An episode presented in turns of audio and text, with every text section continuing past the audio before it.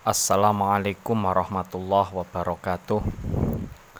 Ala hadiniyah wa ala kulli niyatin sholihah ila hadratin nabiyil mustafa sayyidina wa maulana muhammadin sallallahu alaihi wasallam wa ila hadrati abaihi wa ummahatihi wa dzurriyyatihi wa ikhwanihi minan nabiyyin wal mursalin wa ali kullin wa ashabi kullin ajma'in wa syuhada was sholihin wal auliya aina makanu min masyarikil ardi ila magharibiha barriha wa bahriha wa biladiha wa jibaliha wa audatiha Husani la hadrati syakut Rabbani wal arif asamadani syabdul qadir al jilani wa syabil hasan asyadili wa syabi zakaria an nawawi wa syabi hamid al ghazali wa syabi yazid al bustami wa syabdul hapa syarani wa syabi syarifitatullah gunung jati wa syabi mutamakin pati wa jamal awliyati safil jabir radiyallahu ankum wa ila hadrati abaina wa ummahatina wa jadatina wa jadatina wa masyin Syekhuna khulil bangkalan casim asyari syawab sukitar syamar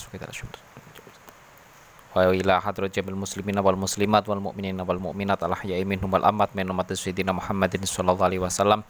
Al-Fatihah A'udzu billahi minasyaitonir rajim Bismillahirrahmanirrahim. Alhamdulillahi rabbil alamin. Arrahmanir rahim maliki yaumiddin. Iyyaka na'budu wa iyyaka nasta'in. Ihdinas siratal mustaqim. Siratal ladzina an'amta 'alaihim ghairil maghdubi alaihim waladdallin. Amin. Baik teman-teman kita akan melanjutkan belajar bersama kita ya. Bulughul maram ya. Bismillahirrahmanirrahim. Qalal musannifu rahimahullah ta'ala wa nafa'ana bihi wa bi ulumihi fid dharaini amin. Wa Nabi Hurairah radhiyallahu anhu fi kis fi kiswati Thumamah ibni Utsal indama aslama wa amarahun nabi. Fi kiswati Thumamah tentang kisahnya Sumamah. Fi kisoti Sumamah tentang kisahnya Sumamah ibni Uthal nama orang indama aslama ketika masuk Islam siapa Sumamah? Indama aslama ketika masuk Islam siapa Sumamah? Wa amaro dan memerintahkan. Wa amaro dan memerintahkan hu pada Sumamah Hu pada sumama siapa an nabiyu kanjeng nabi Siapa an nabiyu kanjeng nabi Sallallahu alaihi wasallam Jadi hadisnya Abu Hurairah ini menjelaskan tentang peristiwa ketika Sumama masuk Islam. Nah, ketika Sumama setelah Sumama masuk Islam, ternyata Nabi memerintahkan Sumama untuk apa sila supaya mandi siapa sumama sila supaya mandi siapa sumama ketika sumama masuk Islam Nabi memerintahkan sumama untuk man mandi ya. Dalam hal ini itu adalah mandinya adalah mandi besar ya. Rawa meriwayatkan hu pada hadis siapa Abdur Razak Imam Abdur Razak Siapa Abdur Razak? Imam Abdur Razak. Wa asluhu adapun asalnya hadis Wa asluhu adapun asalnya hadis itu muttafaqun alaih disepakati oleh Imam Bukhari dan Muslim. Itu muttafaqun alaih disepakati oleh Imam Bukhari dan Mus Muslim. Nah, hadis ini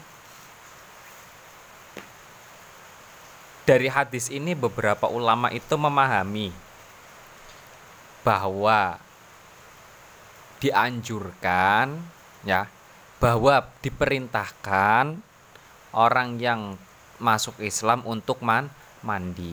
Cuma per permasalahannya perintah itu apakah wajib atau tidak? Dalam artian mandi orang yang sudah orang yang baru masuk Islam apakah wajib mandi atau ti, tidak? Nah, mandi di sini itu adalah mandi mandi besar. Karena ketika dia belum apa ketika dia ketika seseorang yang baru masuk Islam itu belum masuk Islam itu ada dua kemungkinan. Dia itu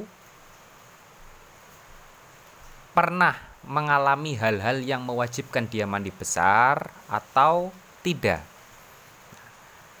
Sehingga di sini itu ulama berbeda pendapat.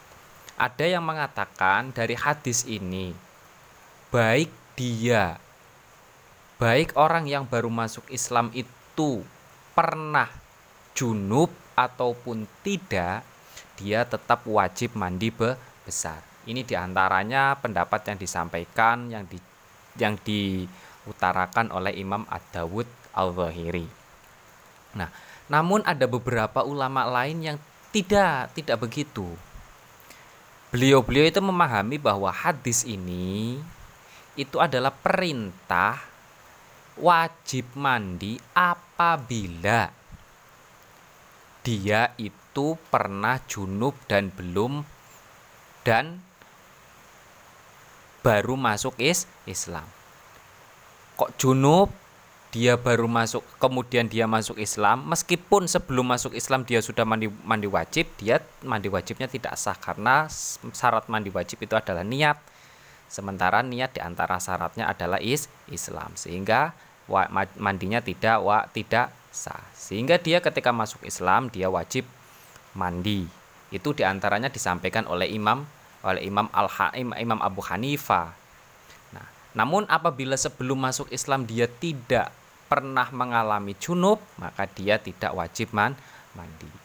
Beda halnya dengan pendapatnya Imam Asyafi'i. Imam Asyafi'i mengatakan baik sebelumnya itu pernah junub ataupun tidak, orang yang baru masuk Islam itu tidak wajib man mandi.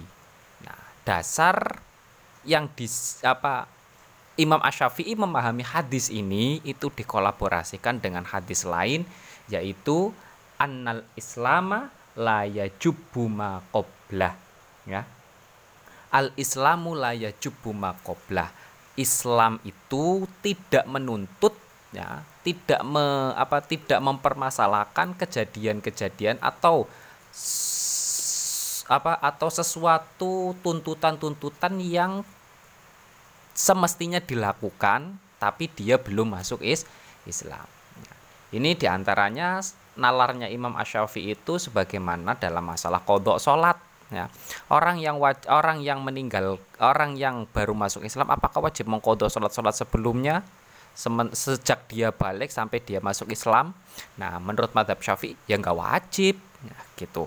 Nalarnya begitu karena kewajiban-kewajiban yang dituntut yang ditanggung orang-orang sebelum masuk Islam itu telah gugur dengan dia masuk is Islam. Itu adalah rukhsah, itu adalah dispensasi yang diberikan Tuhan kepada di dia. Dia sudah masuk Islam itu sudah alhamdulillah. Makanya tidak perlu untuk dibebankan hal-hal yang lah, lain. Itu itu nalarnya Imam Syafi'i. Al Islamu la yajubu ma Wa Nabi Sa'idin radhiyallahu anhu wa an Abi Sa'id Al-Khudri diceritakan dari Abi Sa'id Al-Khudri radhiyallahu an anna Rasulullah bahwa Rasulullah sallallahu alaihi wasallam itu kola bersabda siapa nabi? Ghuslul Jum'ati adapun mandi Jumat Ghuslul Jum'ati adapun mandi Jumat itu wajibun wajib. Itu wajibun wajib ala kulli muhtalimin bagi setiap orang yang sudah balik. Alamu ala kulli muhtalimin bagi setiap orang yang sudah balik. Akhroja telah meriwayatkan pada hadis siapa asabatu imam tujuh Siapa asabatu imam tujuh? Hadisnya Imam Abu Said Al-Khudri secara tema umumnya adalah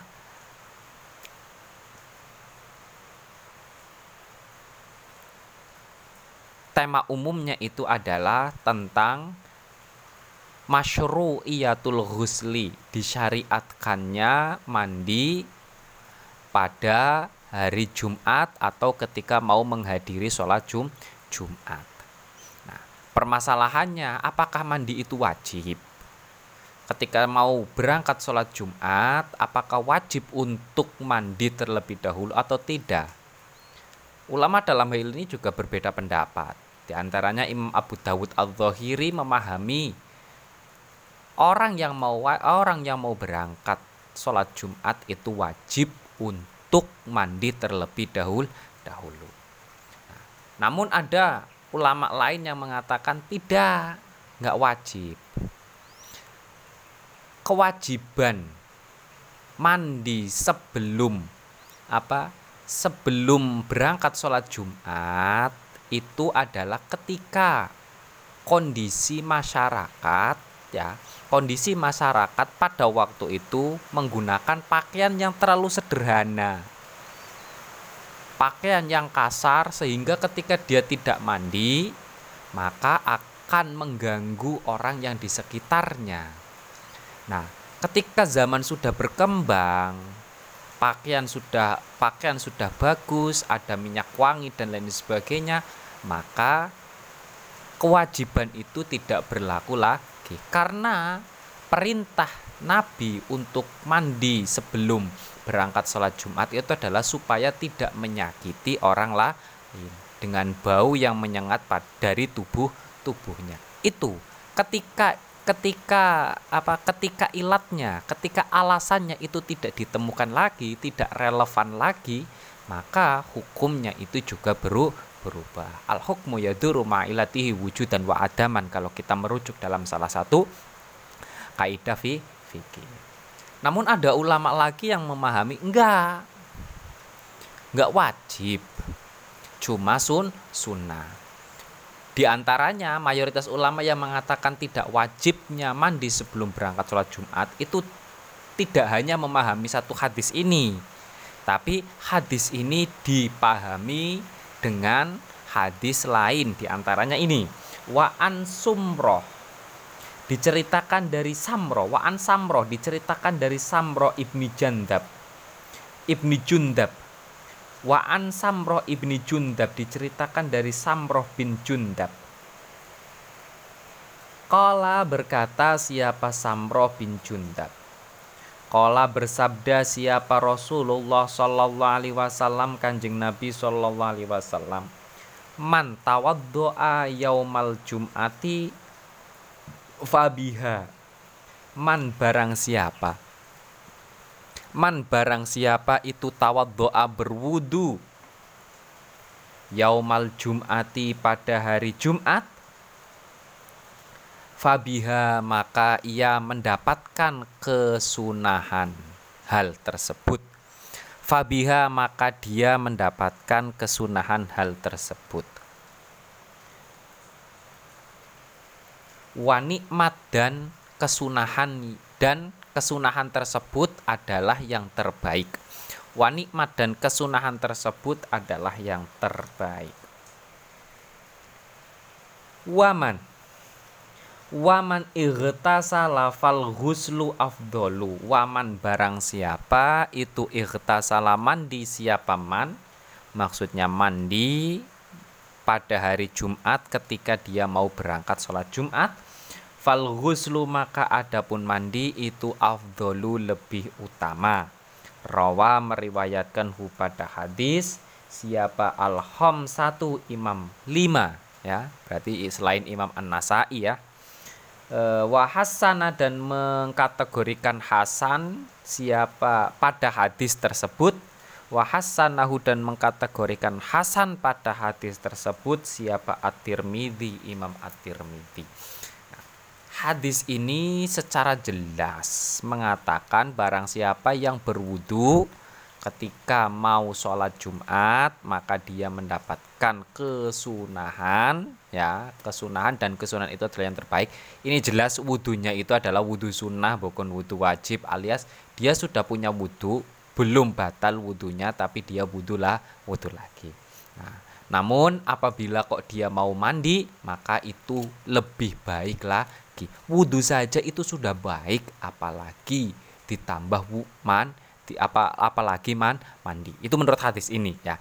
Makanya beberapa mayoritas ulama ketika memahami hadisnya Abi Said Al Khudri yang di atas al apa ghuslul jumati ya ghuslul jumati wajibun itu ditakwil ya ditakwil wajib itu bukan berarti men, apa ya apa ketika dilakukan mendapatkan pahala dan ketika tidak dilakukan mendapatkan dosa wajib di situ adalah dianjurkan dan sangat-sangat dianjurkan. Nah dasarnya adalah hadis yang di bawahnya tadi itu ya hadisnya Sam Samro bin Jan Jundab. Ya. satu satu lagi ya Bismillahirrahmanirrahim wa an Abi Sa'id Al-Khudri. Abi Sa'id Al-Khudri lagi. Oh, wa an Ali. Wa an Ali. Wa an Ali diceritakan dari sahabat Ali alaihi salam qala berkata siapa Ali? Karena ada siapa Rasulullah sallallahu alaihi wasallam itu yukriuna membacakan pada kami itu yukriuna membacakan pada kami Al-Qur'ana Al-Qur'an. Al-Qur'ana Al-Qur'an malam yakun selama Nabi tidak dalam keadaan malam yakun selama Nabi tidak dalam keadaan junuban junub junuban junub rawa meriwayatkan hu pada hadis siapa Ahmadu Imam Ahmad walham satu dan imam lima. Wahada adapun lafat apa wa wahada adapun hadis ini itu lafdu tirmidhi teksnya imam at-tirmidhi itu lafdu tirmidhi teksnya la imam at-tirmidhi wahasana dan mengkategorikan hasan pada hadis siapa at-tirmidhi wahasana dan mengkategorikan hasan siapa at-Tirmidzi pada hadis gitu aja lah. Wahasana dan mengkategorikan hasan siapa at-Tirmidzi pada hadis. Wasohaha dan mengkategorikan soheh pada hadis. Wasohaha dan mengkategorikan soheh pada hadis siapa Ibnu Hibban Imam Ibnu Hibban. Hadis ini itu tema utamanya itu adalah tentang masalah apakah orang yang junub itu boleh membaca Al-Quran atau ti tidak. Nabi setiap menyampaikan ayat Al-Quran ya kepada para sahabat, Nabi selalu dalam keadaan suci. Ketika Nabi dalam keadaan junub, Nabi tidak akan menyampaikannya kepada sahabat, tapi Nabi bersuci terlebih dahulu, baru setelah itu menyampaikannya kepada sahabat. Permasalahannya, apakah waj apakah orang yang junub itu boleh untuk membaca Al-Quran atau tidak? Ya, ulama itu berbeda pendapat. Ada yang mengatakan orang yang junub itu nggak boleh untuk membaca Al-Quran sama sekali. Tendensinya di antaranya adalah hadisnya sahabat Ali ini. Beliau mereka yang mengatakan tidak boleh membaca Al-Quran bagi orang yang junub adalah di antaranya memahami hadis ini. Namun ada ulama yang mengatakan kalau niatnya bukan membaca Al-Quran niatnya bukan membaca Al-Quran tapi niatnya adalah zikir maka hal tersebut itu diperbolehkan ya. Di antaranya beliau yang mengatakan hal tersebut itu adalah tendensinya hadis marfu yang diriwayatkan oleh sahabat Ibnu Abbas. Lau anna ahadakum idza ata ahlahu faqala bismillah apabila salah satu kalian mendatangi istrinya, maksudnya ketika salah satu kalian itu bersetubuh dengan apa bersetubuh suami istri kok bersetubuh, maka ucapkanlah bismillah pada awal-awalnya. Ini berarti kan ketika ketika orang bersetubuh awal itu kan sudah junub karena ada iltiqaul khitanain pertemuan antara dua alat kela, kelamin iya kan ternyata di sini diperintah oleh kanjeng Nabi itu untuk membaca bismil bismillah. Tapi bismillah ini niatnya bukan membaca Al-Qur'an. Niatnya adalah zikir supaya selalu ingat kepada tuh Tuhan. Ya. Itulah yang menyebabkan beberapa sebagian ulama juga mengatakan kalau niatnya zikir itu enggak masalah tapi kalau niatnya tilawah atau membaca Al-Quran itu yang tila dilarang. Di antara pendapat ini itu adalah masyhur dalam madhab Imam Asyafi Asyafi'i ya. Sama halnya dengan orang yang haid. Kalau orang yang haid bagaimana? Apakah boleh membaca Al-Quran atau tidak? Kalau niatnya kalau mengikuti pendapat yang kedua, ya, pendapat yang kedua, kalau niatnya zikir itu tidak bermasalah, tapi kalau niatnya membaca Al-Qur'an itu yang tidak diperbolehkan. Tapi kalau mengikuti pendapat yang pertama, ya jelas tidak diperboleh perbolehkan. Nah, itu ya. Mungkin cukup sekian nanti kita akan lanjutkan dalam pertemuan selanjutnya. Semoga apa yang kita pelajari bisa bermanfaat. Alhamdulillahirabbil alamin. Allahumma inna nastauti'uka ma'alam tanah faradut ilaina indah hajatina ilaihi ya rabbal alamin. Kurang lebihnya mohon maaf. Bila taufik wal hidayah. Wassalamualaikum warahmatullahi wabarakatuh